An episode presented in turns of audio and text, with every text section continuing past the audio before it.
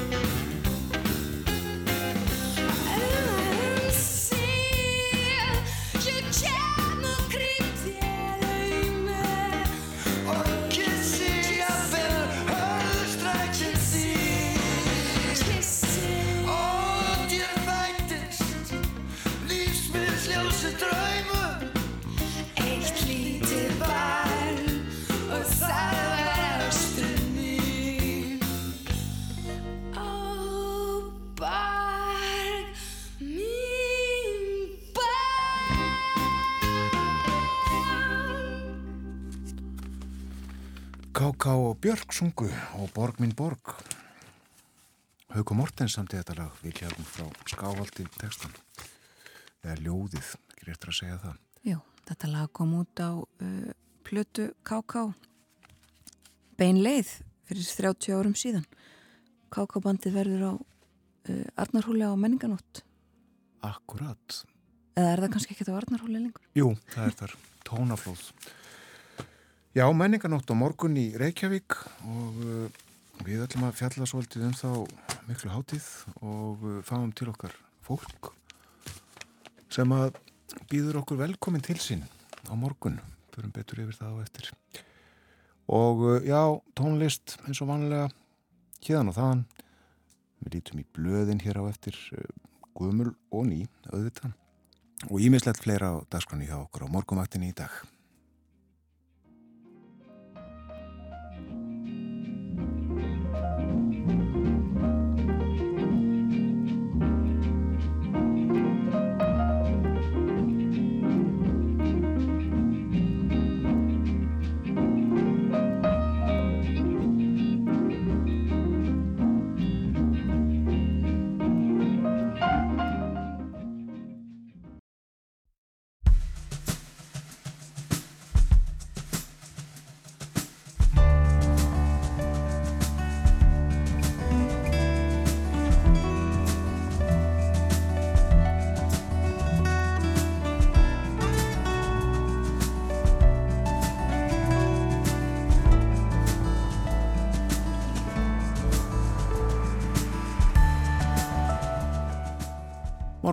helsar og býðu góðan dag. Það er förstu dagur 19. ágúst. Mannlýfs og menningarháttíðin Menningarnótt fer fram í höfuborginu á morgun.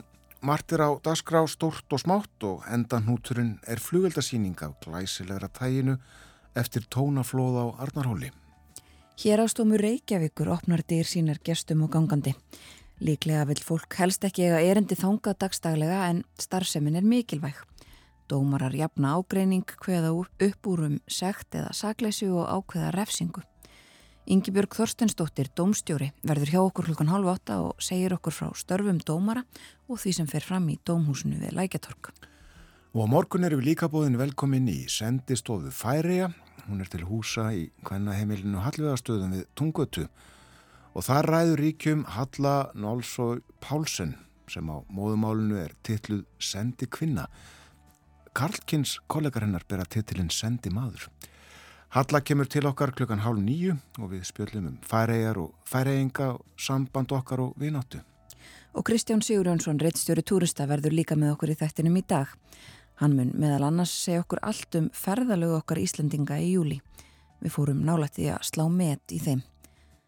Umsjónamenn morgunvaktarinnar eru Björn Þór Sjóbjörnsson og Þórun Elisabeth Bóadóttir.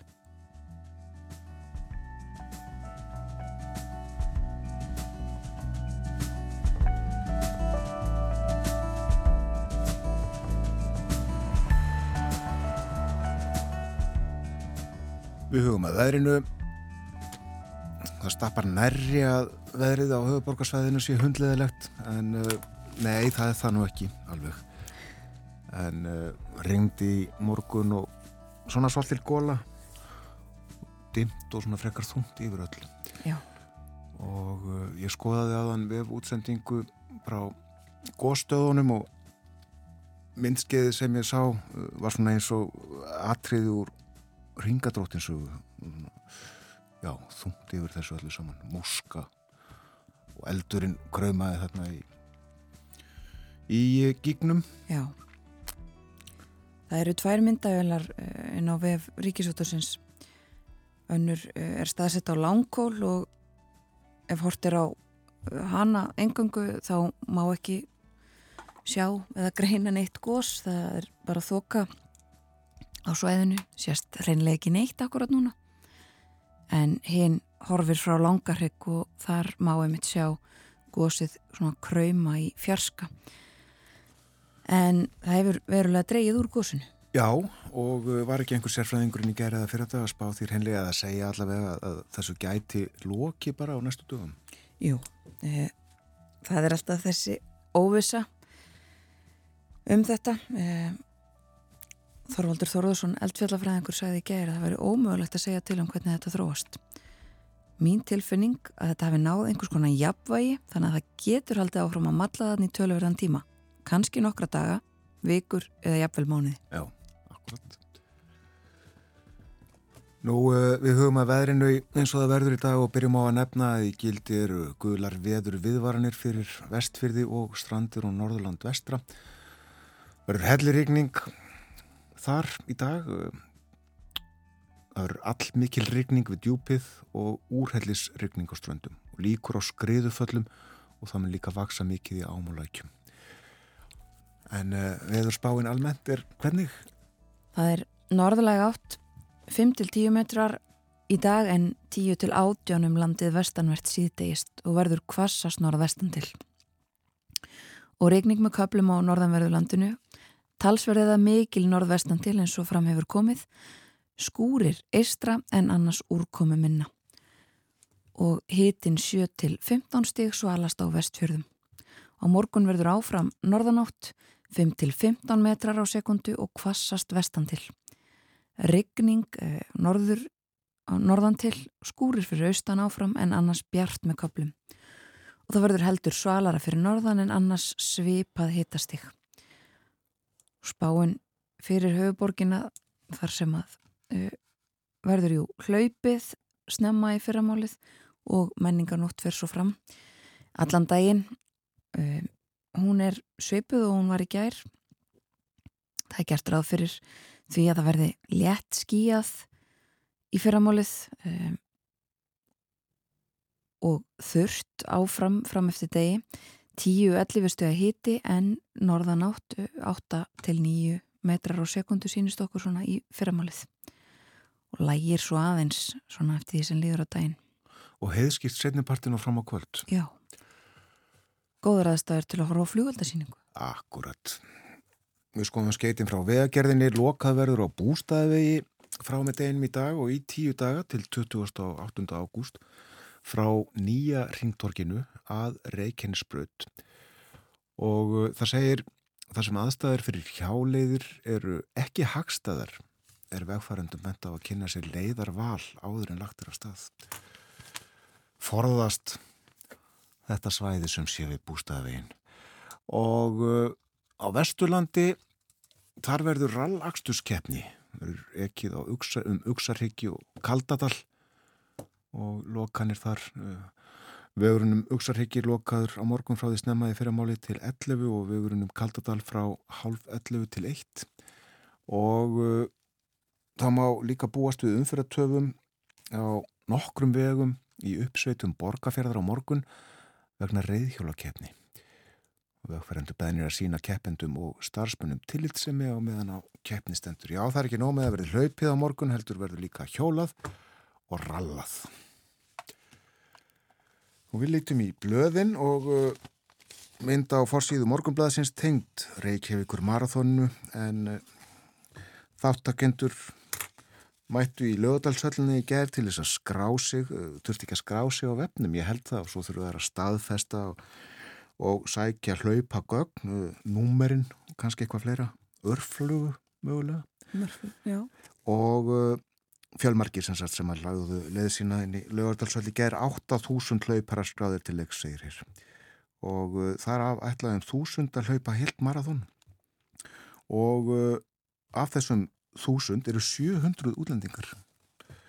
Þessi mál voru með drætt hér þættinum í gær þegar Knútur Óskarsson kom til okkar Hann eh, kom Reykjavíkumarathónu á koppin á sínum tíma, fyrst hlaupið 1984 og þá vorum 50 manns held ég sem að hlaupu marathónið en uh, það var alltaf uh, ætlunin og hugsunin með þessu hlaupið að laða útlendinga til landsins og uh, það hefur nú alltaf stekist má segja ef, að, ef þetta er svona 700.000 þeirra sem ætla að hlaupa marathón eru útlending, útlendingar.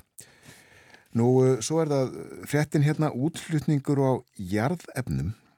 Þessi málur til eh, umfjöldunar eftir að bárust fréttir af þessum áformum þeirra sem að standa eða ætla að flytja út vikur á Mýrdalsandi til Þýskalands með tilhyrandi flutningum, gríðarlegum flutningum eftir Suðurlandsvegi.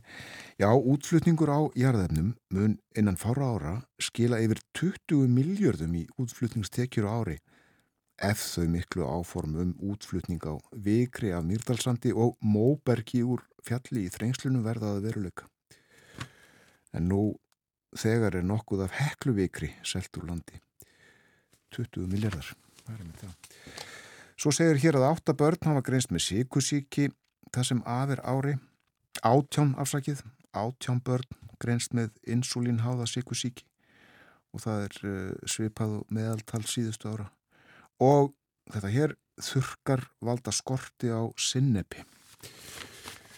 Og fréttablaðið byrtir á sinni fórsíðu nýðustu skoðanakonnar sem að var unnin fyrir hóp sem að kalla sig áhuga fólk um málefni verkalýs reyfingarinnar og það var spurt um stuðning almennings við fórseta Alþýðusambands Íslands og uh, því slegið upp í fyrirsögna helmingur vildi sjá drífu leiða ASI, drífu Snædal sem að afsalaði sér embettinu í síðustu viku. Já, 50% sem að nefndu hana í þessari könnun voru borin upp nöfn og 21% uh, sagði Ragnar Þór Ingólfsson, 18% Vilhjálmur Birgisson 6% Solveig Anna Jónsdóttir og rétt tæp 6% Kristján Þórður Snæbjarnason. Hann er starfandi fósetti, var fyrsti varafósetti. Og þetta var eins og áður saði áhuga fólk, þessi hópur áhuga fólku um málefni verkalýsreifingarna sem að létt framkama þessa könnun. Og uh, Ólöf Helga Adolfsdóttir, rítari stjórnar eblingar, fer fyrir þessum hópi og það er rætt stuttlega við hana. Og hún segir við vildum sjá hver staðan væri og mér personlega finnst drífa njóta mikil strösts og það er kannski eitthvað sem manni fannst ekki heyrast mikið í umfjölluninni. og uh, það er rætt hérna við Vilhjálm Birgisson að náðist korki í drífu nýja Ragnarþór en Vilhjálmur segi stjúft snortin yfir þriðasætinu. Það veitir manni áframhaldandi trú á að maður sé á réttri leiði því að berjast fyrir bættum hag, sérstaklega þeirra sem að höllustum fæti standa í íslenskur samfélagi. Og svo er það blessuð börnin, börnin í Reykjavík sem að fá ekki inn í á leikskólunum. Mynd sem að tekjum var í Ráðhúsi Reykjavíkur í gær, eh, borgar yfirvöld endur til frettamannafundar og kynntu áform sín um úrbætur og uh, þau voru í sexliðu með mann rétt og að teki svona og svona eins og gengur. Aðeins meira á blöðunum. Uh, morgumblæðin í dag fylgir sérblæðin skóla. Skólanir allir að hefjast, alls konar námskeið þar fremdi guttum og hér á fórsíðu er mynd af Hönnuláru Gilvadóttur og rætt við hennar inn í blæðinu. Hún er með BS í hjúknarfræði og BS í viðskiptafræði og í janúar á þessu ári þá kláraði hún sveinspróf í húsasmíði og er nú í húsgagnasmíði og yðnmestra námi í tekniskólanum. Og eftir að hafa unni með öldruðum bæði á sunnulíð og á rafnistu lærði hún að láta draumana í lífinu rætast og segir hér á fórsíðinu ætlar ekki að sjá eftir neinu í ellinni. Og svo sjáum við inn í morgunblæðinu að Kristinn H. Gunnarsson, fyrirverandi alþengismadur á ámali í dag, eh, hann er 70, satt á þingi í 18 ár frá 1991 til 2009 og hann segir hér stóru málinn hjá mér voru atvinnu og sjárótusmál. Ég talaði fyrir nöðsynlegum breytingum á kvotakerfinu en 20 árum síðar eru þær enn jafn aðkallandi sínis mér og að þau vorum að tala um skólamálin Kristinn Hóf Nám eftir þingferilin lög B.A.prófi í ennsku frá Háskóla Íslands B.A.prófi í þýsku frá samaskóla og svo M.A.prófi í stjórnmála heimsbyggi frá Háskóla í Líts og MS-prófi í Hagfræði frá Háskóla Íslands. Og sama ár lög hann kennsluréttindarnámi á framhaldsskólastíði og uh, hann kendi nú um skeiði í metaskólinu við Sund. En 2018 uh, þá keipti Kristinn fréttavefin bæjarins besta á Ísafjörði og hefur rétt stýrt þeim miðli síðan og hann segir nú einbit ég mér að vefnum og að ná helsu ég þurfti að ganga stundi mikla aðgerði fyrra fekk illkynja ægsli í höfði það var skurðtækt, aðgerðin gekk vel horfur eru góðar og ég sé fram að ná góðri helsu Þetta eru stóru verkefnin í pili. Já, Kristinn H. Gunnarsson, fyrirverandi þingmaður, reittstjóri í dag, 70. Jó, hlustu eitt lag, árun lengra er haldið. Við spilum hér í upphafið þáttar lag með K.K. og Björk. K.K. Band er meðal þeirra tónlistarmanna sem að koma fram á tónaflóði á Arnarhóli á morgun á menninganútt og uh, þar verður líka Bríett. Við ætlum að hlusta á hana. Hún syngur Rauðarósir fölna.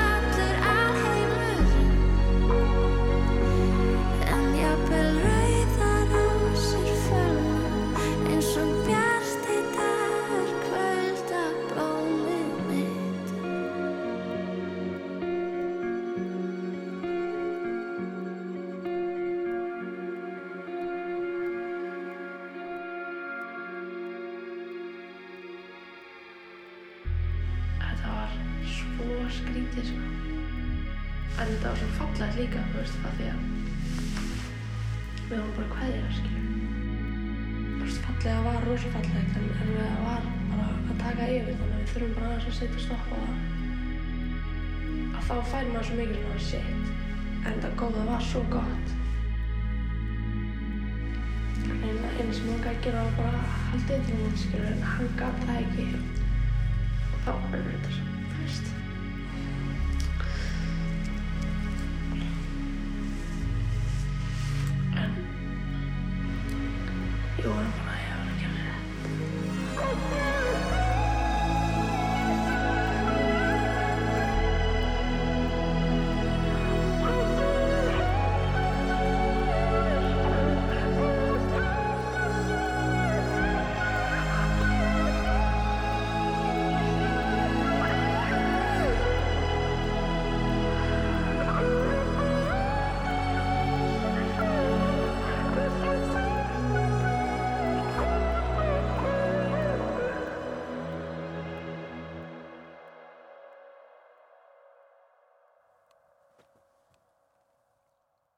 Bríett Rauða Rósir Fölna heitir þetta lag.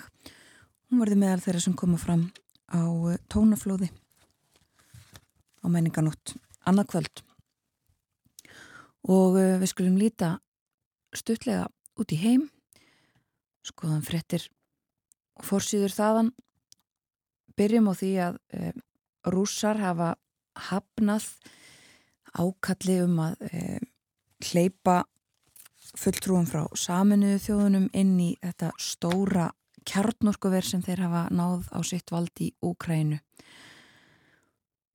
Við sögum frá því fyrir vikunni að Antonio Guterres og eh, Erdogan Tyrklandsforseti eh, hafa verið í Úkrænu og verið að funda um þessi mál meðal annars og það er verið að reyna að ná einhverju lendingu til þess að tryggja þetta svæði, það eru þetta uh, stórhættulegt ef að uh, eitthvað fyrir úrskeiðis í kjarnorku veri en uh, rússar sem sagt hafna öllum öllu um, ákalli um að, gera eitthvað af þessu tægi þeir vilja halda halda þessu kjarnorku veri á sjá sér, það eru þó ennþá starfsmenn úkrænskir sem að sem að halda verinu gangandi. En sagt engin ekkert komist áfram með þessar viðræður í þessum þessar undarfartum daga. En þó ekki öll von úti enn segja erlendir fjölmelar um að hægt verði að tryggja þetta svæði. Og þessu tengt þá er fjallað um orkumál í Evrópu í stóri útökt í New York Times í dag, fórsíðun á New York Times og talað um orkumálin e, og hitabilgjunar sem hafa haft sitt að segja líka. Það er ekki bara það að rússar hafi skert orku og gas til Evrópu síðustu vikur Þessar hitabilgjur hafa haft sitt að segja þurrt, sumar, víðast hvar og umfjöllunum bæði vassaflið í Noregi, kjarnorkuna í Fraklandi og kóla flutning í Þískalandi við töluðum um það fyrir vikunni líka. Árnar í Þískalandi svo lítið vassmagniðum að það er ekki hægt að flytja kól sem að þjóðverðar hafa neðst til þess að halda áfram að nota vegna þess að þeir fá ekki gasið sem þeir hafa áður fengið frá Rúslandi. Þetta bætist allt saman við og gerir stöðuna mjög erfiða. Þetta er eitt af stóru umfyllunarefnunum á fórsíðun á New York Times áhrifa mikil mynd frá Fraklandi af á sem er nánast algjörlega upp þurku þar en fleira tengt veðrinu nú er greint frá því á fórsíðu uh, breska ríkisútasins BBC eftir þessa miklu þurka og hitabilgjur síðustu vikur viða í Evrópu að þá hafa uh, stormar geisað. Og að minnstakosti tólf hafa látist af völdum uh, þessa veðurs. Flestir vegna þess að tré hafa fallið. Og uh, þetta var á Ítali og í Östuríki og líka á uh, Korsíku. Mikil regning og uh, vindur og uh, haft töluverð áhrif viða þessir öfgar í veðurfari ekkert láta á þeim. Rétt aðeins í lokin á þessari þessum uh, erlendu fréttum okkar skulum við minnast á danska fjölmila Politíken er með hugan við eh, Tævan, við vitum og eh, þekkjum það að Nancy Pelosi fórseti fulltrúadeldar bandaríkethings fór þongað á dögunum. Það vekti hörð viðbröð eh, kínverja sem að hófu heræfingar og eh, fleira þarna í grendinni og nú er grend frá því að fórsið politíken að margir, eh, þó nokkrir þingmenn eh, Dana séu opnir fyrir því að ferðast til Tæfan á minnstakosti fulltrúar frá sex eh, flokkum í Danmörku sem að segjast reyðubúnir til þess að eh, fara þangað í heimsókn. Og eh, í Svíþjóðir áfram umfjöllunum kostningar, eh, stjórnmólin svona allsráðandi. Við töluðum um þetta í heimsklukkanum í gærmorgun þá hefðu nýjar eh, kannanir sínt eh, lítinn mun á þessum tveimur stóru blokkum en nú segir Svanska Dagbladet að eh, samkvæmt nýjum kannunum þá sé bylið að aukast. Það eru sósjaldemokratanir sem eru á uppleið. En við kíkjum kannski fleiri blöð eða uh, fjölmiðla eftir því sem líður á morgunin við fylgjum stöðut alltaf með því sem er að gerast út í heimi. En það líður að frétta yfir liti það kemur frá fréttastofun eftir tæpar tvær mínútur. Og að því loknu þá ætlum við að uh, ræðum hérastóm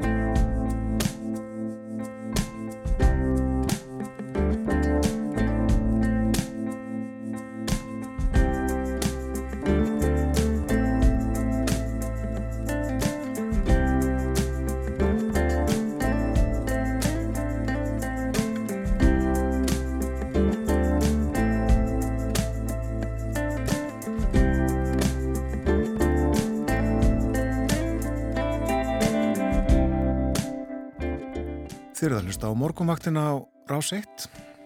Föstu dagur í dag komi 19. ágúst klukkan réttliðlega hálf átta. Við hugum að veðurhorfum dagsins allkvöss norðaustanátt á vestfjörðum og við norðanverðan breyðafjörð í dag og gul viðvörin í gildi fyrir, fyrir uh, vestur, uh, vestfjörði og uh, strandir og norrland vestra. Spáð all mikilli regningu eða úrhellisregningu og uh, líkur á skriðuföllum og uh, vatn vaksa í ám og lækjum. En uh, það verður hægari vindur annar staðar. Hitin í dag 7-15 stig hlýjast á suður og suðusturlandi og uh, það mun regna norðalands á morgun lögadag og skúri verða austan til á landinu en þurft að mestu annar staðar en norðan strekkingur víðast hvar, svalt fyrir norðan en hitið að 16 stígum síðst. Já, veðrið veður spáin fyrir daginn í dag og morgundaginn. Kristján Sigurjónsson, reittstjóri túrista verður með okkur eftir fréttunar klukkan átta, við ætlum að tala svolítið um ferðalög. Já, uh, hvert ferðuðust við Íslandingar í sömar? voru margir á ferðinni eins og hann mun segja okkur og fara betur yfir á eftir. Og svo minni ég á að milli hálf nýju og nýju þá verður gestur okkar Halla Nálsö Pólsen hún er sendi kvinna færiða á Íslandi. Já, ber þann titil og uh, Kallkins sendi fulltrúar færiða eru sendimenn. Halla hér um uh, færiðar og færiðinga og uh, tengsl okkar og þeirra millir hálf nýju og nýju. Við höfum verið með hugan og erum í dag við morgundaginn svo litið. Uh, þá er menninganót ímislegt uh, um að vera og meðal þess sem að hægt verður að gera er að fara í heimsókn í hérastum Reykjavíkur við Lækjatorg. Hann opnar dyr sínar gestum og gangandi. Og við ákvæðum að nota tilefnið og bjóða til okkar á morgunvaktina Ingi Björgu Þorstinsdóttur, Dómstjóra, velkomin. Takk, takk fyrir það.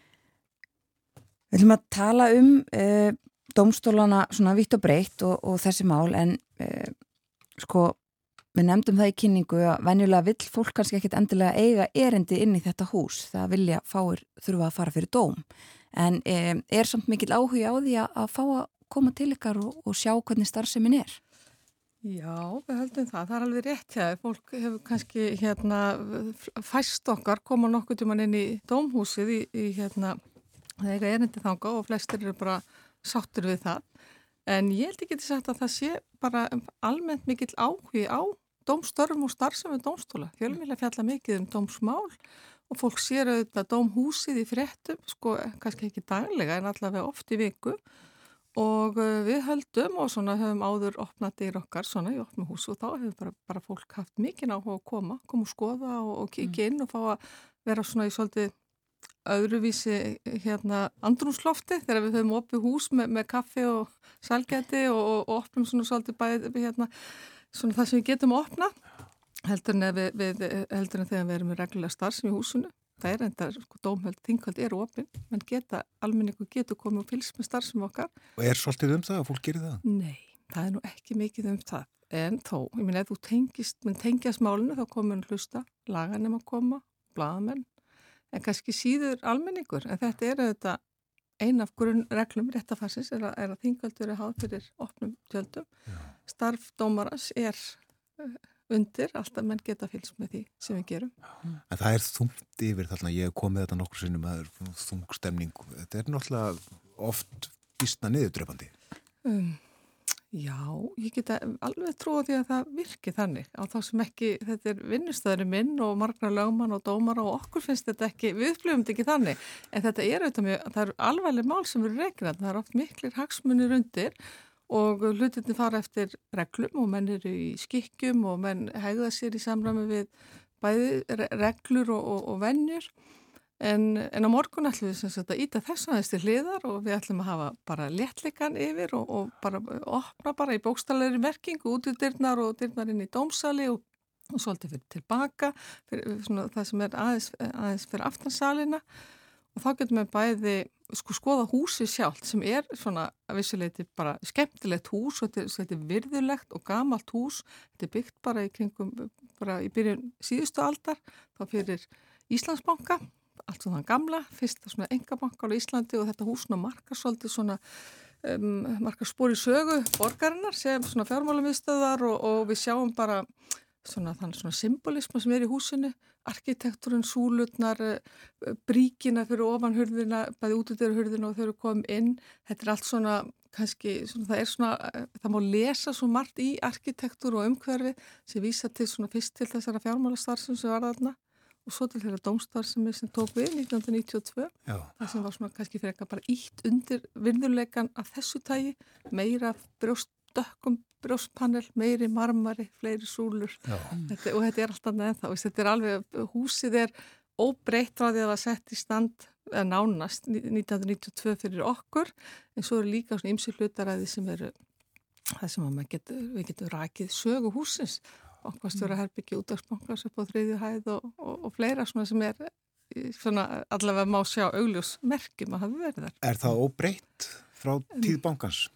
Það er nú svolítið erfitt að segja, nei, þetta er ekki óbreytni, það er svona sem maður getur svona lesið samt í söguna, sumt mm -hmm. er óbreytt, við erum ákveðin svona panelklæningar og slik sem er alveg, alveg óbreytt og lýsing og annað og svona uh, gammalt svona sendingamáti til að senda skeitamilli hæða, svona stokkar og, og annars líkt sem aðeins við höfum haldið í. Notið, notið það? Nei, við ekki. það eru konatölfur. Akkurat, það eru konatölfur. En Ingeborg, þú nefndi skikkjunar. Hvers vegna eru þið í skikkjum? Já, það er ágætt spurning. Er, um, þetta eru þetta við erum auðvitað að leggja áslá það að dómarar íklæðast valdinu, dómsvaldinu, þeir eru ekki í eigin personu og kannski og, og svona og merking þess að setja þessu skikkjuna er svo að þú, þú klæðist því, því þeirri ábyrð og því valdi sem þú ferð með þegar þú ert í dómarasætinu. Það þá ekki að skipta máli í grunninn hver það er sem klæðist skikkjunni. Um, réttlæti skíðan á að vera hérna á ekki að sjá heldur vikta hluti og með hlutrægum og og hérna óvílhöllum hætti. Já. það er svona hugmyndir Þetta er mjög áhugaverð, þú, þú ert ekki þú sjálf í vinnunningunni Svona, það er kannski, það er eina sem hugmynd og minnstakosti ber mann að fjarlæga sig og sína skoðanir og sínar tilfinningar. En vitaskuld gerist það ekki þannig í raunveruleikanum. Ég get ekki verið neitt annað en ég sjálf og mín reynsla og mentun og, og, og, og skoðanir mínar. Allt þetta hefur auðvitað áhrif á það hvernig ég vinn. En einhvað síður þá er fagmæska okkar, hún fælst í því að þú ger þitt besta til að stiga svona frá þér og, og þínu persónlegu skoðunum. Og við höfum þetta fjölmörgt hæki meðal annars bara þetta, þetta umhverfi, þessa skikki og þessi formlegheit og svo lögin og alla, alla þá allir fræði sem það er að baka sem hjálpar okkur að, að komast að niðurstöðu sem við getum sagt að hún er uh, sérkver dómari ætti að komast að sömu niðurstöðu í mínu spórum, en það er hugmyndin þetta hérna sagt, við erum að reyna að leita þeirri niðurstöðu sem að, sem að byggir ekki okkar persónulegu skoðunum heldur á þeim lögum og þeim reglum sem gilda um það tiltekna álitefni sem er til úrlausnar. Er kent að dæma í laganáminu? Nei, ekki beinlinis, en auðvitað er sko, við lesum ógrinni dóma Það er eiginlega þannig sem við þjálfum okkur í að finna út hvernig við beitum reglunni og þá má kannski segja í því fælst ákveðin undirbúningur. Ég, það er hverki gert að kenna fólki sérstaklega? Jú, á... það veistu það, það er nú gert við og þannig er dómar eru þjálfaður mjög sem hætti annar staðar. Mm. Við erum kannski bara eins og oft uh, lítil og fámenn og við hérna lengst af þjálfum við bara Eh, dómar, lögmenn bara eftir, og lögfræðinga bara eftir einni leið með einni aðferð gegnum Háskóla Íslands lagatildina þar, hún var bara mjög í föstum skorðum og kendi það sama fyrir all það, það hefur breyst. Það hefur breyst, eins og margt annað. Þú nefndir það, eh, sko hérastómur Reykjavíkur hefur verið þarna, eða hérastómur frá uh, 1992 og Eh, þið eruð að halda upp á það öðrum þræði að einmitt, þetta eru tímamút okay. það eru 30 ár liðin frá því að hvað þessu dómstíi var komið á. Já, það má segja það, við erum sko fannst bara tílefni til, það er ekkert langt sen að hæsturinn voru 100 ára, nú eru hér að stómstólandi, þeir voru stopnaði 1992 með lögum sem tóku gildi 1. júli það ár. Og með því það var eiginlega endurbundin á þá sögu sem að, kannski reykjum á alveg alla, aftur alla þá öldina þessi menn voru er hugmyndu komið upp alltaf reglulega að það bæri að aðskilja dómsvald og framkvæmdavald. Það er að segja og í svona vist, lauruglustjórar út um land rannsökuðu og dæmdu mál. Og í dag finnst okkur það galið fyrirkomað. Okkur finnst það fremur undarlegt, já. já. En það er svo skrítið að þegar maður les söguna og leslums álit millithinga nefnda frá 1914 þá voru menn komin alveg að þá skoðun. Auðvitað væri þið æskilegasta að það væri til sjálfstæðir hérastómstólur í Íslandi. En við værum bara svo fá og smá að við hefðum eiginlega ekki ráðaði hitt verið svo miklu hagfældara að síslumenn sæjum og þetta voru rökin alveg fram eftir öldin Og það þurfti uh, dóm í Strasbúr til þess að koma þessu á? Já, eða það, það blasti við að það erði dæmt hannig eftir að mannitinda nefndin hafði komist að þeirri niðurstöð að við hefðum brotið sjöttugrein mannitinda sáttmálans í frægum máli sem að Jón Kristinsson frá Akureyri mm. voru með allarleið til Strasburgar það sem að hérna hann taldi það brjóta gegn rétti sínum að, að það hefði verið fulltrúilegur stjóra sem bæði rannsakaði og, svo, og, og dæmdi mála. Já, og væri þetta ennþá með gamla læginu ef að, ef að Jón hefði ekki staðið í þeirri trú að þetta væri fáránlegt fyrirkomulega? Ég er ekki vissum það. Ég held að við hefðum svona séð, uh, séð það að þetta væri hér rétta. Við sáum það kannski allan tíman en þetta var kannski bara meira við svona eins og ég segi þessi hagkarnisrök Mm. og, við, og vissulega var það þannig að aðskilnar hafði í raun átt sér stað við það eins og til dæmis hér í Reykjavík. Það sem gerist hins vegar er það að 1. júli 1992 verður, verður til einn dómstól þar sem áður var sakadómur Reykjavíkur, borgadómur Reykjavíkur og þeir saminast í hérastóm Reykjavíkur. Já. Og við svona endur skuðum rétt að fara slöggjöfina að stórum hluta. Já. Þá. Og nú, 30 árum síðar, þá er uppi hugmyndur um að sameina hérastómstóluna í eina stopnun. Hvernig hugnast þér svo hugmynd? Já, þetta hefur maður heyrt og það er, uh, og núrandi dómsmálráðra hefur, hefur líst því að þetta sé hans skoðun. Það er auðvitað mörg að higgja í því. Það er, það er auðvitað, að þetta er fyrst og náttúrulega pólitíspurning. Hún snýra að, Mm. að það er þetta náfram alls konar hagræðingu og meiri skilvirkni og mögulega meiri uh, gæðum innan hér á stómstegsins og þar með líka fjölbreyttari uh, þjónustu með slíku. En þetta er alltaf flókið. Og við getum kannski sagt að það sem gerir þetta núna mögulegt og því kannski að menn eru svona í alveg að skoða þetta er það að tæknin sem að við erum svona innleiða inn í réttarferðu okkar hún bara býður upp á svo ótrúlega möguleika að vinna dómstörf hvar sem er á landinu. Já. Er þetta að verða störra án staðsetningar? Ná, ég held það. Ég held að það gæti verið, uh, sko, dómara framtíðan gæti ákveð að búa skagaströnd. Gæti ég vel trúað, eða þeir kísu svo. Geta bara gert allt þaðan eða?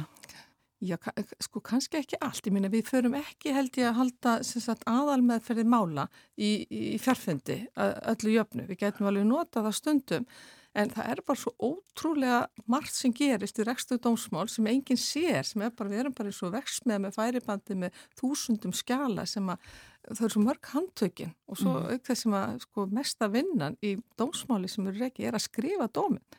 Það tekur lengstan tíma eftir að búið að reyka málið og það getur gert hvað sem er. Segð okkur að ganni svona hvernig, hver gangur hefðbundis máls í domstólunum er? Það er, ég get sko sagt ykkur að engamál, altså önnumálinn sakamál, þau taka alltaf eitt ár í meðförum hérastómstóla. Það er alltaf langu tími en, eh, en þannig hefur það verið lengi og, og, og að þetta, sko, þetta byrja bara því að þú þingfæstir málið. Þú kemur inn með stefnuna og, og setur hana á bort til hérastóms og þar með upphest þetta ferli þar sem að það þarf að gefa gagnáðunum kosta á skilin greinagerð, það þarf að uh, öllum svona réttafars ágreiningi sem getur reysið, hvort er vísamálinu frá, hvort að lifa þetta hitt vitni, hvort að lifa þetta framlagningu þess að hins skjálsins, hvort að dónkvæða matsmenn og þá hvern og það er bara ótrúlega margir hluti sem maður geta greint áum áður en að kemur að það flytja máli. Svo svona kannski þetta, ég er alltaf kannski tólmánuði síðan, þá hlustar dómarinn á málflutningin, loksins og að því búinu er málið dómtekið og þá hefur dómarinn fjóra viku til að ljúka því að leggja dóma á málið. Þetta er svona fyrir örsnötti yfir engamál. En Já. ekki liggur hann í heilar fjóra vikur yfir málunu? Því það getur alveg komið fyrir. Í stórum málum dugir það ekki einu svona til. En nei, svona venjuleg mál taka þetta, sko, stómar í engamáldómar, hann kannski hlustar á eitt til tvö mál á viku. Þannig að hann er kannski, og það er þá sá málsræði sem að svona er, já, ef við setjum einhver svona þau maður butta reglu. Já. Sakamálinn gangar hraða fyrir sig. Ef það eru sakamál tónleikum eða sakamál það sem ákærið sittur í gæsluvarhaldi, þá er það bara flítið með fyrir mál. Já. Þá gerist allt miklu hraðar og við eh, ljúkum málinu kannski á þreymur fjórum mánu.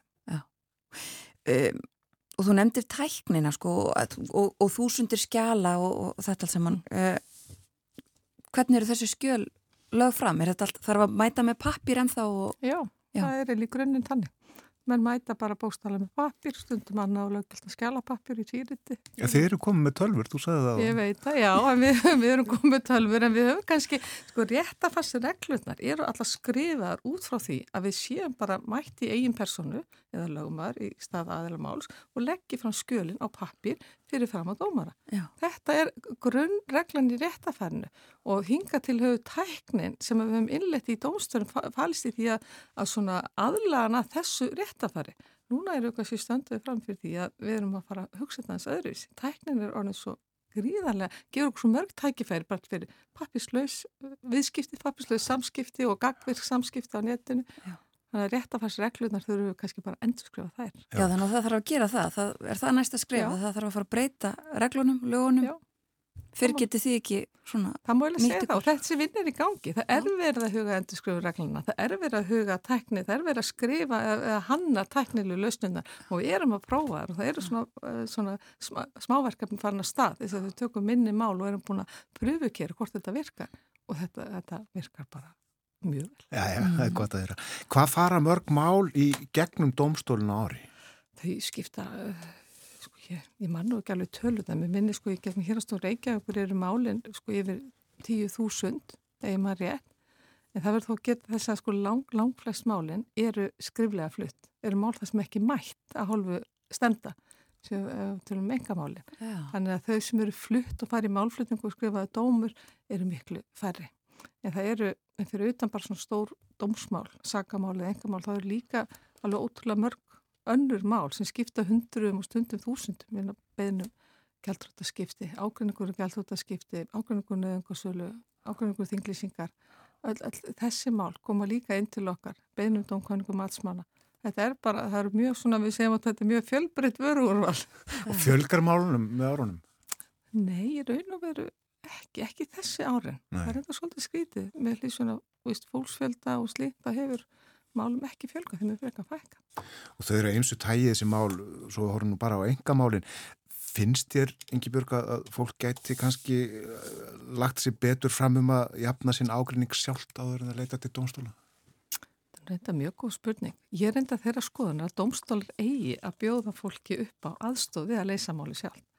Það er sem þú sagt að sko deilur, sko að domstóla steli deilum frá málsæðalum taka bara og kemur inn með deilu engamál, þá tekur bara dómanan og hann leysir málu eftir sínum reglum og meðan sko þeir sem eru hlindir sáttamiðlun og sáttamiðlun er eitthvað sem mjög margir domstóla bjóðu upp á þeir útgangspunktur þar er svo er þið aðalega mál til eigin þessa deilu nú skal ég hjálpa ykkur að leysa úr henni. Og ég hef til þess þjálfaða dómara sem kunna þetta. Mm. og þetta myndi, ég er sérstaklega ákvæmaður um þessa þjónust og ég myndi gerna vilja þegar við getum minkað aðeins vinna okkar allan en að pappir og slík þá myndi ég vilja huga því að fara að bjóða fólki upp á þetta. Já, Já.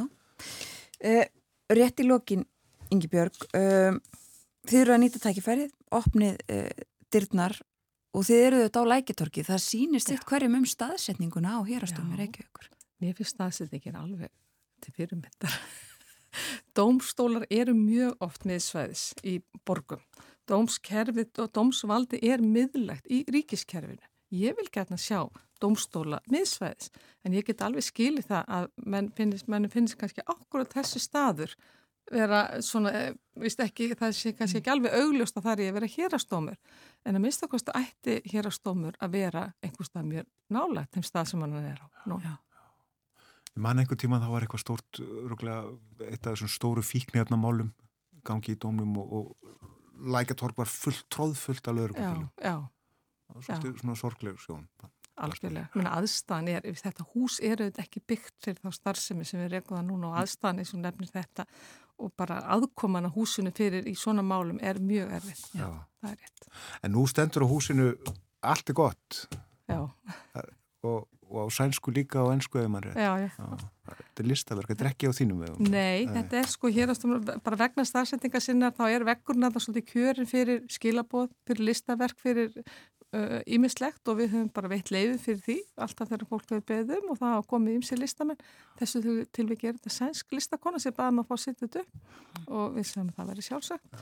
Svo kemur jólarsveitnin þarna í desember og, og kannski á menningarnótt höfum stundu komið eitthvað annað. Mm. Já, þið viljið vera hluti af svona umhverfinu og samfélaginu þarna í miðbænum. Já, já, já, gerðnan og við viljum gerðnan opna víst, og vera svolítið nær fólki við viljum að fólki viti hvað við gerum mm. og af hverju við skiptum máli. Já. Og fólk getur komið og kynnt sér það á morgun? Já, akkurat. Er það allan daginn? Eða? Við erum mynda frá klukkan, frá klukkan 1-5 erum við með opið hús og þar erum við meðal annars að setja ekki sínda réttarhald en við erum að setja á svið réttarhald sem lýsa þeirri réttarþróun sem átti sér stað 1992 þegar aðskilaði dómsvalds og framkvæmdavalds gekk í gildi. Og við leikum það að svo færum það í stílinn þannig að mér svona þetta er bara kannski svona já, leikflutningur á þessum tveimur völdum málum.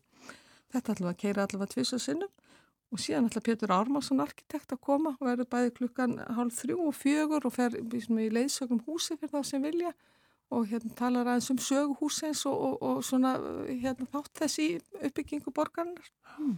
og svo hugsaum við líka um börnin og erum með og þá sem vilja fræðast og erum bara opnum dómsal og, og bjóðum fólki og börnum að, að bæði fræðast máta skikkunar, takki hamarinn. Máta, já, hamarinn. Þið notið hamarinn?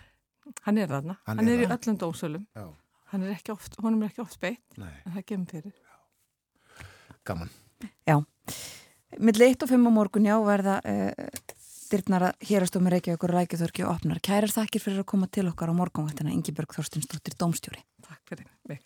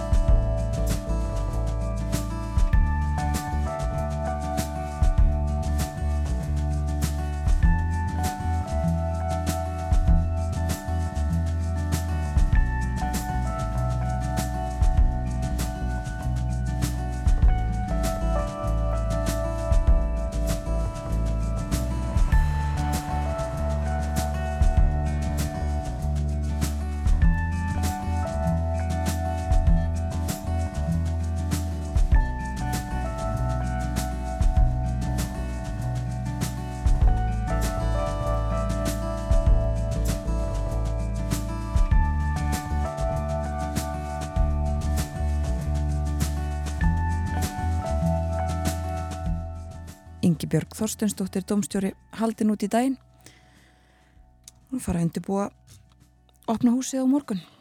En það líður að morgun fréttum þær kom eftir slettar 5 mínútur frá fréttastofunni og að þeim loknum munum við ræðum ferðamálinn við Kristján Sigur Jónsson, reittstjóra túrista. Og svo í lok þáttar meira tengt menninganótt.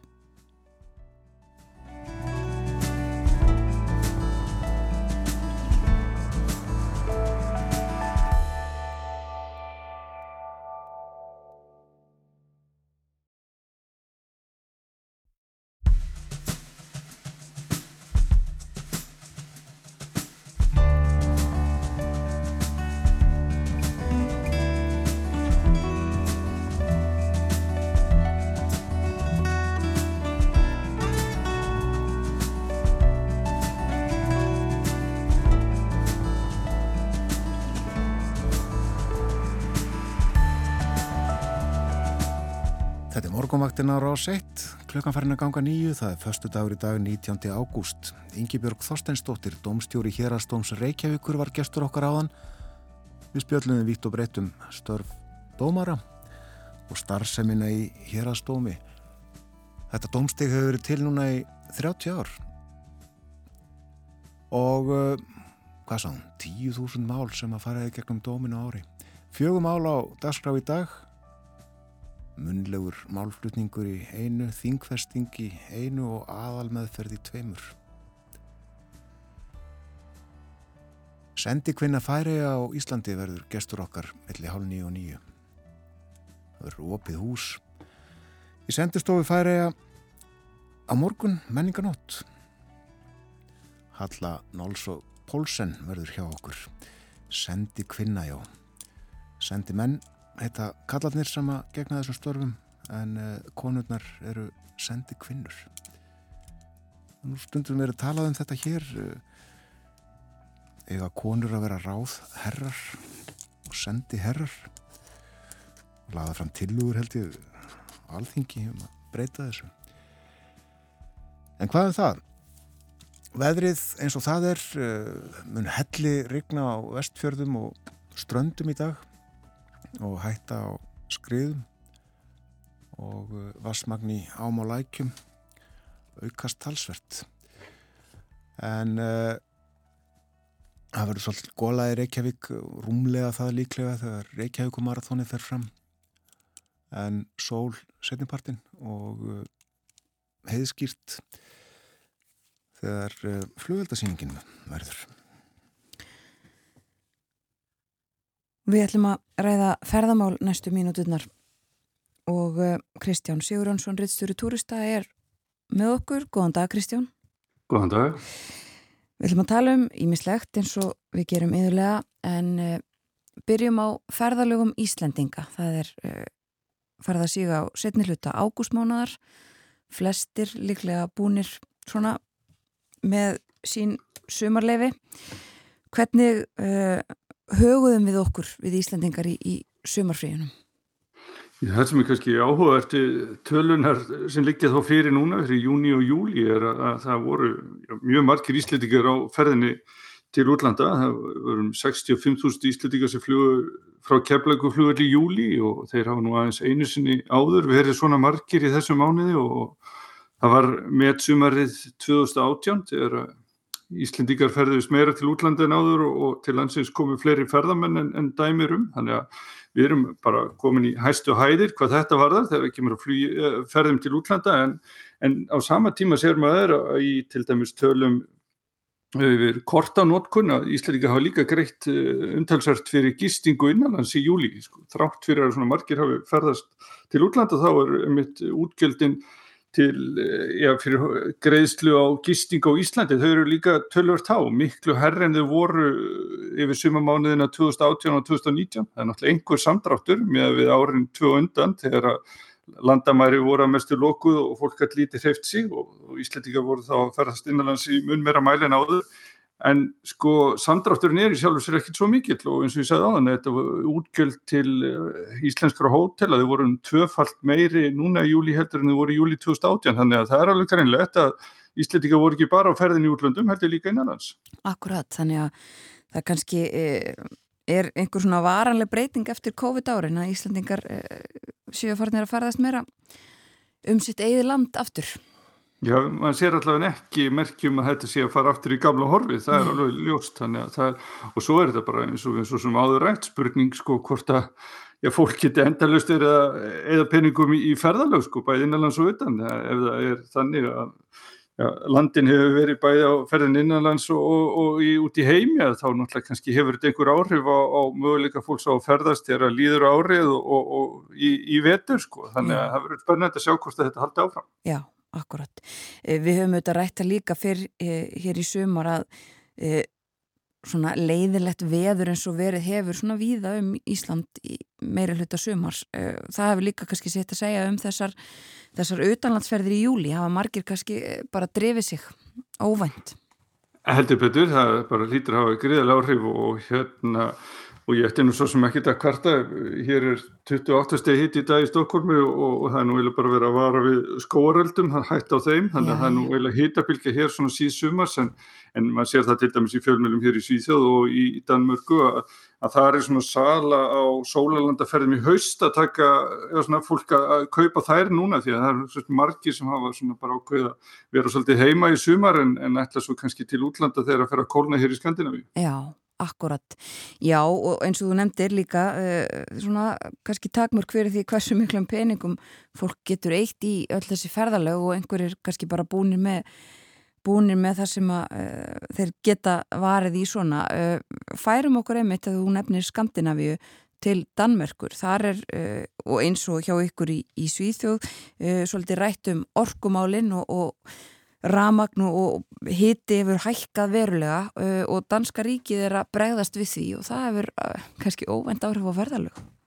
Já, maður mætti segja það því að danska ríkið sendi út á miðugudagin í síðustu vikur svona svo kallan hitun að tjekka, það er upp á næri 80 miljardar króna þar sem að sem sagt, tilgangurinn með þessu var að koma til móts við að helst svona láttekju heimili vegna herri hitunarkostnæðar og, þá verður að horfa sko til síðastliðis ás þannig að það er ekki verið að horfa kannski fram í tíman þannig að það er kannski að senda ennþá herri tjekk út á, á næsta ári. En, en nefna hvað að núna voru sagt, dönsk heimili sem fengu þennan tjekka í síðustu viku og þá tók bara sala á auðalansferðum kipp og samkvæmt fyrir eftir í Danmörku þá Vor, var salan á miðugudagin í síðustu viku svona um þrýðjungi meiri en hún hafi verið dagana undan og, og, og fossasmenn ferðarskristónu segja það sé nokkuð ljósta að þetta hafiði bara gríðarlega jákvæð áhrif á, á söluna þar á bæ að, að heimilin fengu þennan, þennan stuðning, óbyrra stuðning til þess að hérna, já, greiða niður hittun og kostna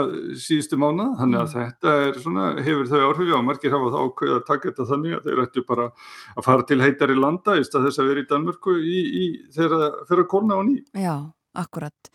Og er mikil umræð og umfyllun um þessi mál? Já, en ég man sko eftir svona sambarilegu sum, sumari 2009 eða 10 þá bjóð ég í Danmörku og var að vinna á ferðarskristofu sem meðal hann seldi Íslandsferðir eh, til Dana og, og Svíjá. Þá var sendur út einhver svona tjekki, ég man bara ekki alveg hvert tilöfnið var, en þá sáum við alveg greinilega það voru hérna voru miklu fleiri danir sem bókuðu ferði til Íslands eh, dagana og eftir heldur en hefðu gert dagana undan, þannig að þetta er svona svo sem svolítið þekkt minnstur í Danmörku þegar þið óbyrgur að sendi þegnunum tjekka þá fer fólk oft og, og eði þeim penningum í, í auðvitaðlandsferðir. Já, einmitt. Eh, ég sá held ég fjölmjölum sænskum í gær og myndist á það hér á morguvættinni að það var verið að greina frá áformum ríkistjórnarinnar í Svíþjóð um einmitt kannski eitthvað svipað það er að segja að e, setja töluverða fjármunni í að e, hjálpa fólki við eh, orkukostnaðin um, ætli þetta geti þá haft áhrif uh, þessi niðurstaða mála í Danmörku á, á svona áforum annar staðar í uh, Európu?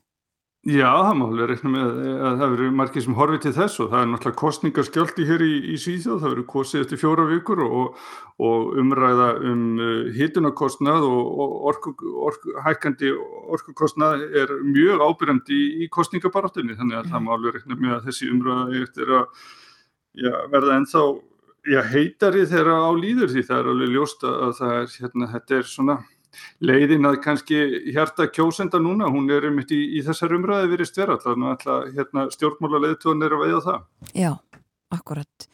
Já, uh, og meira tengt ofinbörum stuðningi, við höfum talað um það hér á morgunvaktinu og Artur Björgum Bollarsson meðal annars líka sagt okkur frá þessum málum í Þýskalandi, þessum ofinböra stuðningi sem að uh, fólst í því að, að lækka verða á almenningssamgöngum í sumar. Já, það gekk út á það að fólk gætt á þjóðverjar og íbúar Þýrskalands gætt að keift sér miða sem gildi í einn mánuð og, og sá kostaði aðeins nýju efrur eða 1300 krónur og, og þeir sem áttu svona miða gæti þá bara ferðast ótakmarkað með lestum, sporvögnum og strætó. Þetta átti reyndar ekki við um hraðlestarna sem fara mellir stórborgarna en, en hvaðan um það? Þá fjölgaði farþjóðum í þessu opibæra kerfi verulega í sumar og, og hérna En nú er þetta átaka að renna sitt skeið á enda í loka ágúst en, en, en kannanir í, Þýskalandi sína að, yfirknæfandi meirinleiti þjóður vil sjá meira af þessu og hérna, að, að þetta átaka verði framlengt en, en fjármálar á þeirra Þýskalands hefur nú komið fram og bent á að það sé nú ekki hægt að nýðugreiða samkongur með þessum hætti til lengri tíma. Átaki hafi nú þegar Kosta Ríkisjóð háar upphæðir þannig að það sé kannski ekki endilega vona á því að þetta verði framlengt en En svo hafa hagfræðingar í, í Þýskalandi líka bent á að, að þessi þetta áttak hafi raun, raun og verið sleið á verðbólku í, í Þýskalandi þannig að það er svona vegi upp á móti en, en þetta er áhugavert að sjá sko hversu miklu fleiri nýttu sér þessar ofinböru sangöngur í Þýskalandi í sumar en, en, en verið hefur þannig að þetta hafi greinlega mjög mikil áhrif. Já, það sýnir sig um mitt og eh, áfram væntanlega umræða um allan þennan ofinbæra stuðning og, og eh, já, í vetur. En ég var að ljúka spjallin okkar í dag og að tala eins um Airbnb? Við höfum nú talað reglulega um þetta uh, fyrirtæki síðustu árin uh, og meðal annars svona meðal þeirra vandræða sem þetta fyrirtæki hefur uh, svona staðið í það, það eru partíhöld Já og, og þetta bandaríska fyrirtæki hefur svona verið að reyna að draga úr því að leigutakar séu að svona í sjálf sér að misnóta íbúðinnar og hérna húsins eða leiga og halda bara vilt partí og, og fara svo bara daginn eftir og, og skilja allt eftir í, í, í óreiðu. Og uh, Airbnb bóðaði fyrir árinu svona ákveði átaki að draga úr þessu og reyna svona sekta þá leigutakar sem gerðist brotlegir en og núna ætla félagi sko nýta sér einhvers konar gerfikrein til þess að bara að reyna að finna þessa leigutaka sem að hérna ætla greinilega að taka hús á leigu til þess að halda partíið að visslu og, og hérna þetta á að gera meðal annars með því að bara fara í gegnum umsagnir fólks um þetta Já, um þess að leiðutaka þá farið gegnum bara hvað aldur er þarna, hversu gammalt fólkið er og hvort það er að leiða sér íbúði við virkadag eða helgi og þess að þar og ætlinin er bara að koma í veg fyrir að, að fólk geti eh, leikt sér húsnæði gegnum Airbnb engungu til þess að halda partí og ganga íllum. Já, að þetta er ekki þannig að sko ef að fólk fer, einmitt er sannanlega að ferðast, leiði sér íbúð eða hús og heldur þar veistlu, heldur það er fólk sem er gaggjert að leia eitthvað húsnæði til þess að bara halda partí og, og þurfa svo ekki að takast á við afleggingarnar. Já, en svo er það vist, líka þannig að nýju reglunar Airbnb e, e, eiga hljóða upp á, eða taka, komi veð fyrir að bara almenni legutakar geti líka verið að halda einhver, halda einhver á veislur. Þannig að ef einhver leiði sér íbúð í gennum Airbnb í Reykjavík og, og, og hérna er bara í, í fríen en svo verður svo gaman á barnum, hann býður öllum heim til sína og eftir að það er í sjálfu sér, já, stríði gegn reglum Airbnb ef ég skilða rétt. Já, akkurat og þau ætla að fara að nýta sér tæknina það verður áhugavert að fylgjast með því hvernig það gengur Jú, jú, þá kemur náttúrulega umræðan um, um, um, um mitt stóra bróður og, og hvað, hvert, hvað rétt fólk hefur til þess að svona halda svona ákveðni fríðhelgi um, um sínar, upp, sínar persónulegur upplýsingar. Já, akkurat. Já, við fylgjumst áfram með þessu og hvernig þessu framvendur. Kæra þakkir fyrir spjalli í dag, Kristján Sigurjónsson. Takk sem leiðis. Já, vilt parti. Eitt slíkt uh, fór í fréttinnar í Finnlandi í gær, uh, allt vittlust þar, var partisansatt fyrir einhverjum uh, vikum held ég og í því var fósættisáðra fyrir hann, Sanna Marín. Og það var í gæriða fyrradag sem að byrtust myndskeið úr þessu parti og það fór nú öfugt í margan finnan að sjá fósættisáðran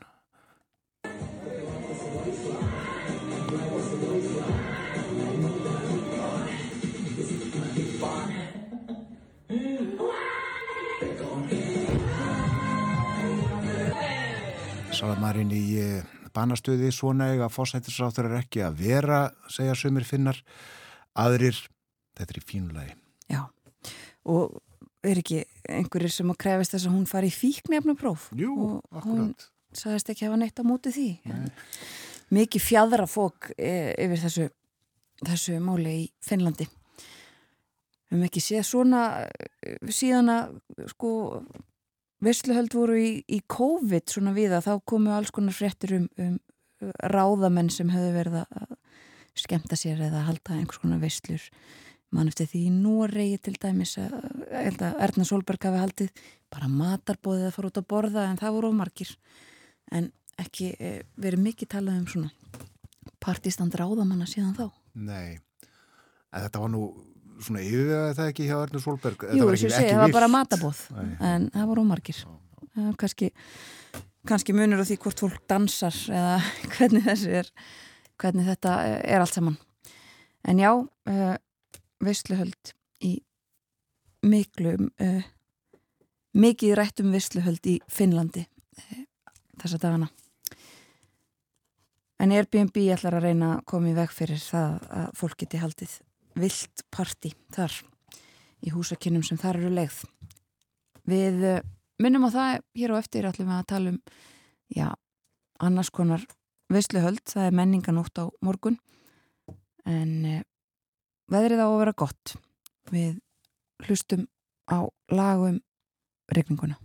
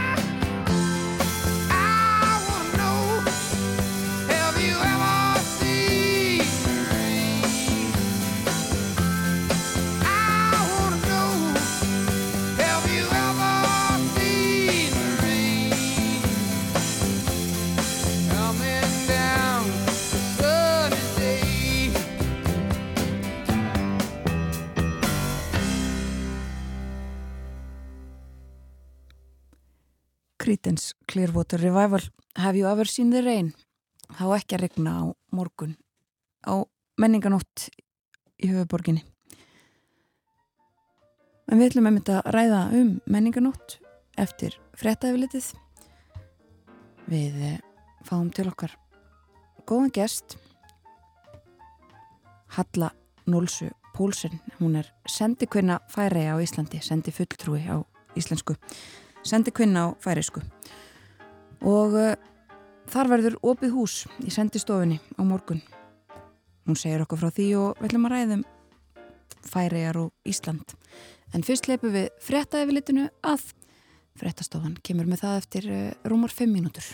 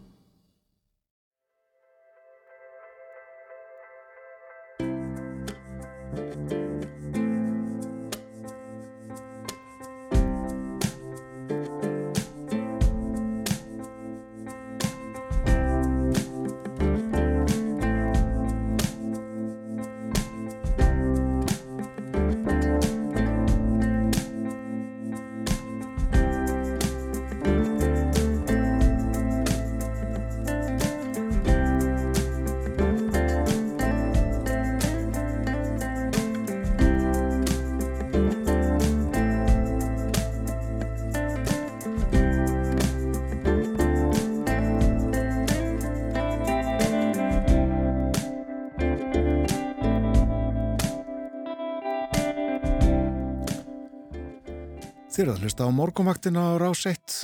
Klukkan núna réttliðilega hálf nýju og framöndan síðasti hluti þáttarins þennan morgunin. Og verður nú fjallaðum færiðar og færiðinga. Það verður opið hús í sendistofu færiða á morgun, menninganótt. Sendistofan er til húsa í kvennaheimilinu Hallvegastöðum við Tungutuna. Og Halla Nólsö Pólsen er sendifulltrúi færiða á Íslandi. Hún er komin til okkar á morgumvaktina. Velkomin. Takk fyrir það. Við ætlum að reyna að tala íslensku. Já, við reynum. Þú ert fín í íslensku. Takk, takk. Hvað eru verið lengi hérna sendifulltrúi? Í tvö ára. Tvö ár. Tvö ár? Já. já. Og hafður þú komið yngað áður?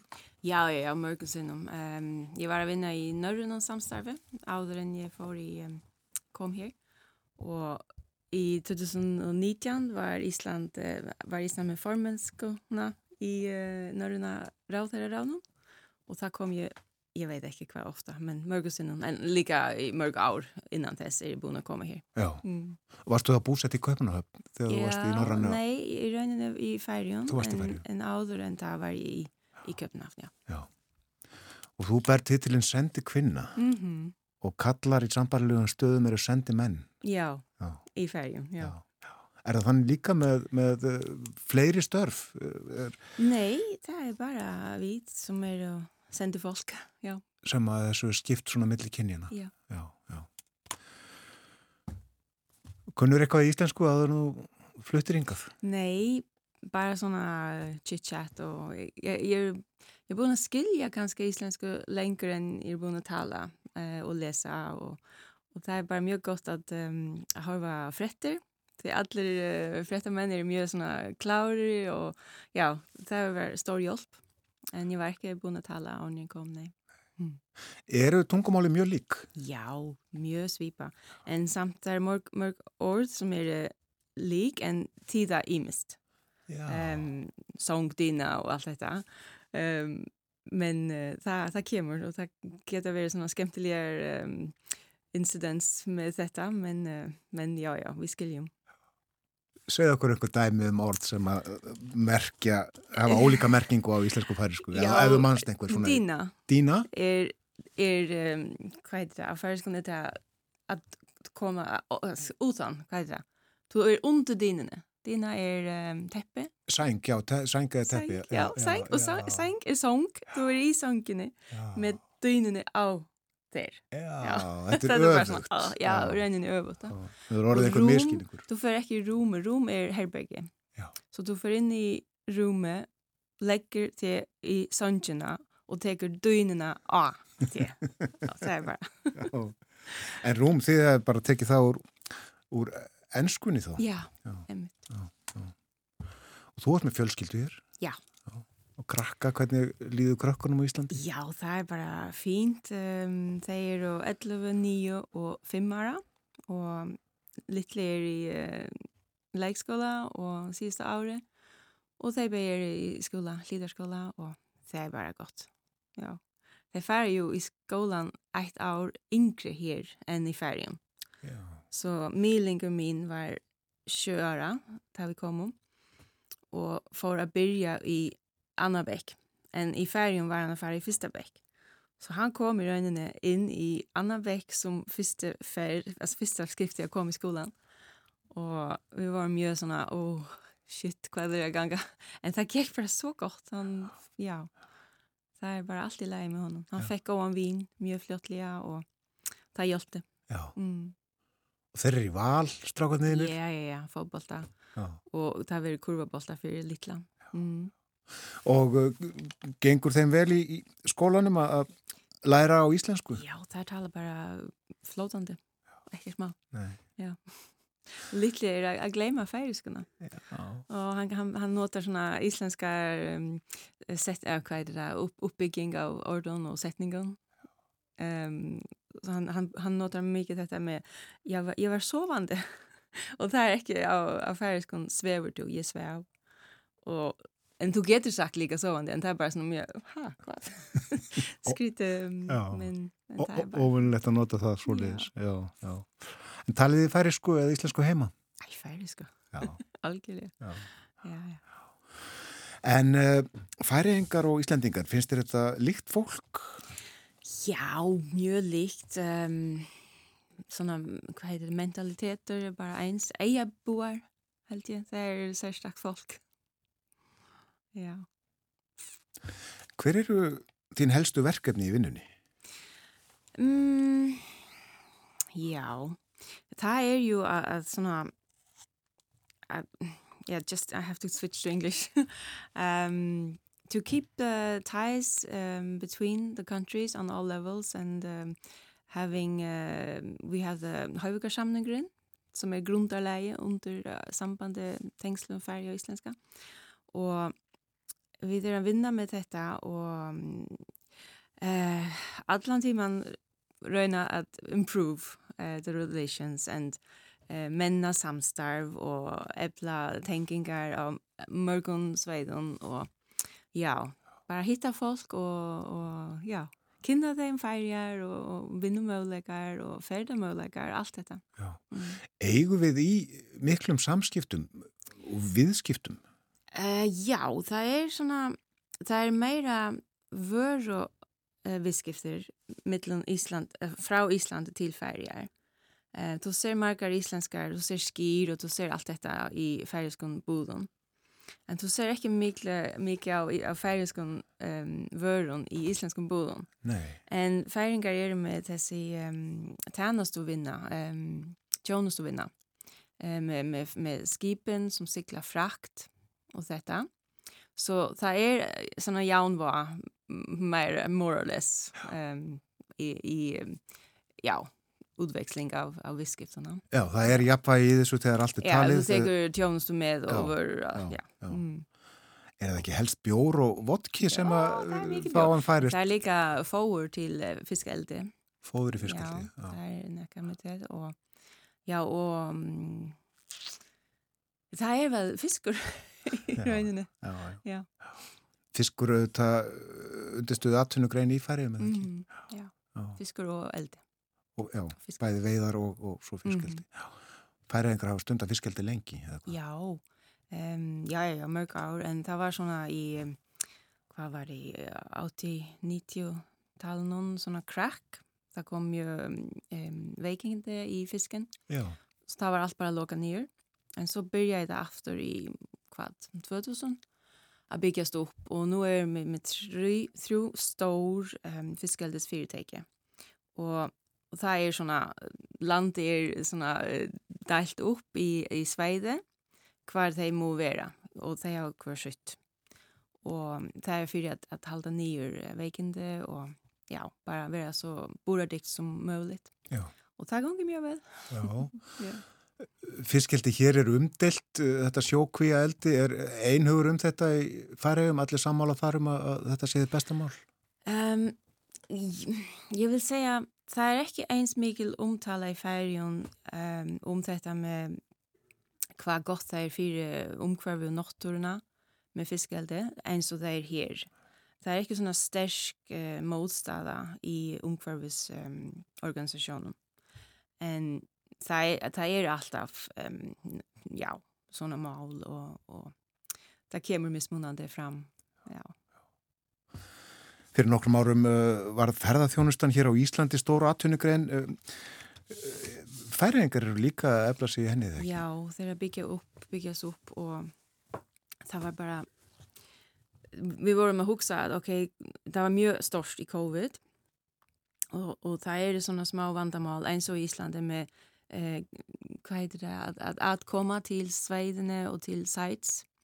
Um, það koma margir á sama stað og, og náttúran verður um, ávirka. Já, Um, och så kom covid och så var man och hugsa okej nu kan vi bara uh, få detta i, i vad heter det i make it all right and fix the um, settings and the surroundings and, and make it better for tourists to come and also for the farmers who own land and and so on but it det är bara erfitt mål att läsa och Eh, vi är att vinna med detta. och vi vet om att Island är búin att fara gegnum þessu ja, vandamal och det har varit hukt till Islands hvernig har varit läst såna. hvaðan koma uh, helst ferðamenn til færiða? Um, ég held það er mest um, um, norrlendingar, er, er det det? Um, danskar, svidar, norrmän, en, um, och sådana europeer, uh, tyskare, um, vad är det? Þjóðverjar, Ja. segir við? Ja. Och och så kommer mer och mer såna eh, ensk, alltså UK och US. Já, Ja. akkurat. Och det här byggas upp alltaf. Já. Mm. Og risin stór og fín hótel eða? Det här kommer mjög fin hotell. Två kommer i 2020 bara i covid. och det var såna, oh oh, vad det geras nu? Men det gick mjög väl och, och bæði er um, full allt sommare och ut i hästen. Um, så det var bara, det här, det här säger att det, ge- det gick mjög väl och, och sommar i år var det var eins gott och i 2019. Ja. Mm. Ég hef heyrt að það séu ægilega fínir veitingastæðir í, Ja, Færeyjar. marker, ja, Já. Og ég held að sé fjögur, fimm ára eitthvað svoleiðið síðan að, að einmitt veitingastæðir í færiðin fekk mittsillinstjórnu. Ja, ja, ja. Och så flyttade där till Grönlands i sommar. Já. Ja. Men det var eitthvað med, med dessa staðsetting som de var i. Det var ekki um, alveg, um, allt var ekki svona, ja, um, hvað heitir það? Ja, they had to switch um, and build up a new uh, place to Ja. be and while that is being done, they moved to Greenland. Ok. Já. Borðaður þar? Nei, það var dýrst. Það var út dýrt, já, þeir verða svo dýrir Æ, ég lakka til, þið verið að fara. Já, já, já, Já. já. Uh, þér liður vel á Íslandi og, og uh, mikið að gera í vinnunni. Já, já, já, mikið að gera. Mörg, mörg svona, um, ó, já, ég man ekki orðið tiltak, events. Alls konar viðburðir. og- Alls já. konar viðbúr, já, og mjög spennandi. Mm. Og, og þú átt samskiptu við fólk hér í íslenska stjórnkerfinu og Mm. út í atvinnulífinu og lista og menningarlífinu og, Mhm. og svo vantarlega við uh, fulltrúa annara ríkja hér, sendi þeirra? Já, já, já, við, er, við vinna mikið saman og um, sérstaklega Norrönu um, sendi, sendi herranar um, hittast ofta og það er mjög uh, gott að, að uh, tekjast teg og, og hafa þenna, þetta félagskap. Já. Mm. Færiðar eru þetta hluti af danska ríkinu. Já. Er, sko, þú starfsmæður færi eða Danmerkur? Já, ég er starfsmæður færi, já. Þú ert starfsmæður færi, já. já. já. Og eru þið sendirskristofun hér alveg sjálfstæð og óháð danskri, um, danskri utanriksþjónustu? Þetta er svona smá flóki en við erum um, fyrir utan, við erum í okkar egna um, uh, uh, hús.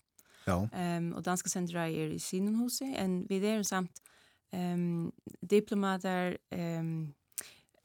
through the Danish embassy og það er í rauninni það, það, má, það má vera svona um, så langt við ekki er ríki Já. Já.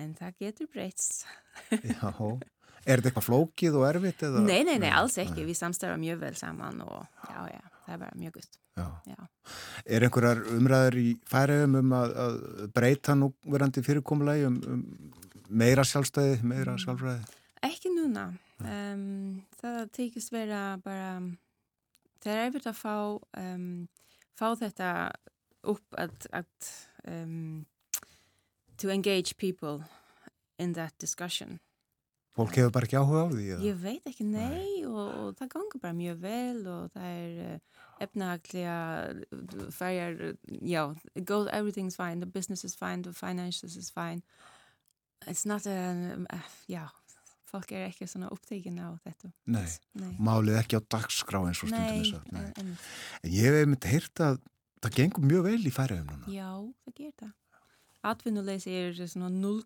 eitthvað mjög, mjög lítið og það vantar arbeids uh, atvinnu fólk, hvað heit það? Arbeidskraft? Vinnukraft, já, Vinnukraft, já. já. eins og hér og við erum með þessu fast track um, uh, skip, skipan, skipan um, að, að fá fólk að koma úr um, bæði Európi og, og bara öllum heiminum uh, að gera það svona auðvelt fyrir þeir að komast til færjar að vinna og margir gera það en, um, en það er ekki nóg Nei. Nei. Og það er þá störfi í, í, við veiðar og vinslu já, og, og í fiskaldinu? Já, já. emitt. Mm -hmm. akkurat. Það verður opið húsjáður á morgun? Já. Hvað ætlið að segja við gesti og, og sína þeim? Ó, ég vil bara segja mjög að þeir eru bara velkomin. Um, við erum með opihús í, í sendustónu og e, það verður um, þósöfn er Vínarbæur Reykjavíkar. Já. Og Reykjavíkborg, það er ju ammalis uh, svona hátíðarhald um, menningarnóttinni.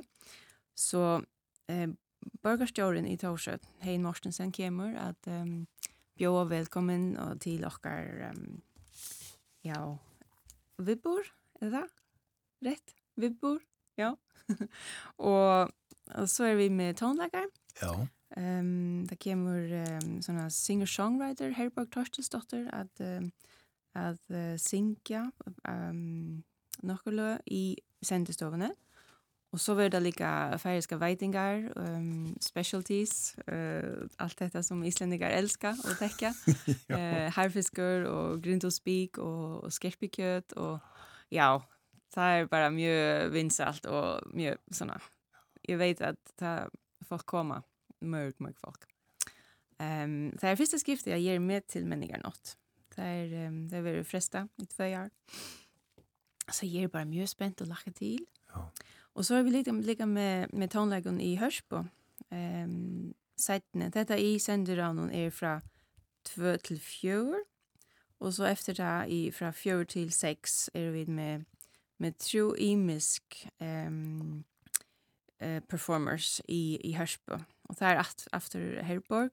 Og så kommer dette uh, kamerkår, ja. uh, Tarira. Og um, det er et av beste kåret i ferien. Mjø, mjø god, dålig. Um, og så kommer Hamradung, og det er, det er bare, jeg vant å take for å lyftast av Hørsbo. Det er sånne hard rock, viking rock, og det er noe av dette med gamle kveidene, um, og bygge på det, og bare føre det fram i, ja, notimans, uh, ja, ja. Já, það verður að háa því. Já, það verður bara mjög spennandi held ég. Týr var hljómsveit sem var feikilega vinsal hér. Já, Týr, og, og það, þá, þannig, nei, þá, að Týr var hér, var þessu Pól Arne að syngja Och han är lika forsangare i Hamradon Nuna. Já, Ja, och till fick annan eh, sångvara. annan söngvara. Ja. Já. Mhm. Við erum aðeins að tala um skerpikjöti, ég hef ekki smakkað það, en mér heyrist að það sé svona ímiskort fólki finnst það mjög Já, gott já. eða ógeðslegt. Jag vet det. Jag är kanske i sätna hoppen om i röjnen. En jag, jag må inte säga det. Nei, þú mátt ekki segja. En jag vet det är uh, delicacy för all, nánast allar færingar, en ekki allar. Nei. En Það er gaman að smakka. Já, þú verður að smakka það og bara ákveða, uh, já, hvað þú heldur. Já, akkurat, akkurat. Ég baði um að velja lag Já, til þess að- að spila eftir þetta samtala okkar og, Mhm. og þú auðvitað valdi lag með Herborgu sem að verður hjá okkur í sendistofunni á morgun. já, Nóttin var ok. já. Æ, það var bara, af vegna þess að hún kemur á morgun, så held ég bara að uh, við verðum að höra svona smak, smakspröfa. Já, Um, það er bara mjög skemmtilegur uh, lyrics uh, og lagi er mjög gott. Så, Já. já. um hvað syngur hún? Hon synger bara om alls konar svona dagligdags, venjuleg, um, já, líf, uh, skemmtilegar um, situasjoner, Já. stö, stöfur. Einmitt. Já, Við hlustum á sem það. allir tekja. Sem allir Já. þekkja, já, það er bara svona daglega líf. Já, já, já. Hlustum á það. Eh, Það var gaman að fá þig. Opið hús á morgun, millir 2 og 4 við tungutuna. Hvað ætlar að gera í dag? Og bara undirbúa allt þetta á morgun. bara reyna, já, að vera svo tilbúin som mögulegt. Akkurat, Mm akkurat. Skera skerpikjötu. Ja, och taka eh, þessu gestunum vi kommer. De kommer ju med, med flug i dag och Tarira är i röjningen att, att ha tonlägga i kvällt av, um, i frikirkene, eh, vi må säga det. Já, Um, ja, uh, okipis klockan 20. það er kórin góði. Ja, mjög góð kórin. Já, Bróður mínu syngja með. bróðin syngur þar, já. Mhm. já. Gott ég er að minna á þetta. Ja. Þakka er innlega fyrir að koma og við hvetjum fólk til þess að heimsækja sendirskristofu færiða á morgun millir 2 og 4 í hvenna heimilinu Hallvegastöðin við Tungutu, Halla Náls og Pálsen njóttu dagsins Takk som leis. Du är vår ratt, du sa mig hitta ett här och gör. Mian är ett det spalter vi mot har. Ett flörstande äkna bra. Fötter som står och ta. Brösten är skotten fram. Nu skulle det vinna mer mann. Jeg pura satt, det tidgjist at synder og desperat. Kanska minne framlig og meira delikat. Men heim vi tær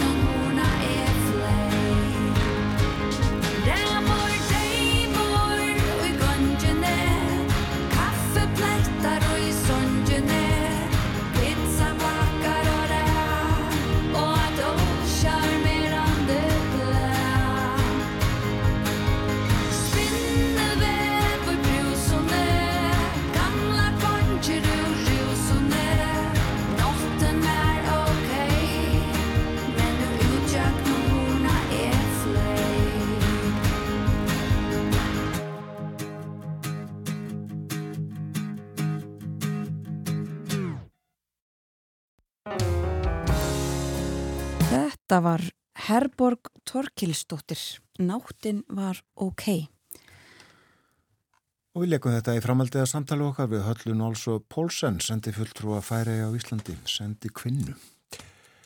Hún uh, rætti við okkur um færiðir og færiðinga og Íslandinga svolítið líka sað okkur frá því hvað er hún að fást við í vinnunu og það er nú aldrei ímislegt. Gengur vel í færiðum saðan og henni hefur gengið vel að læra íslensku.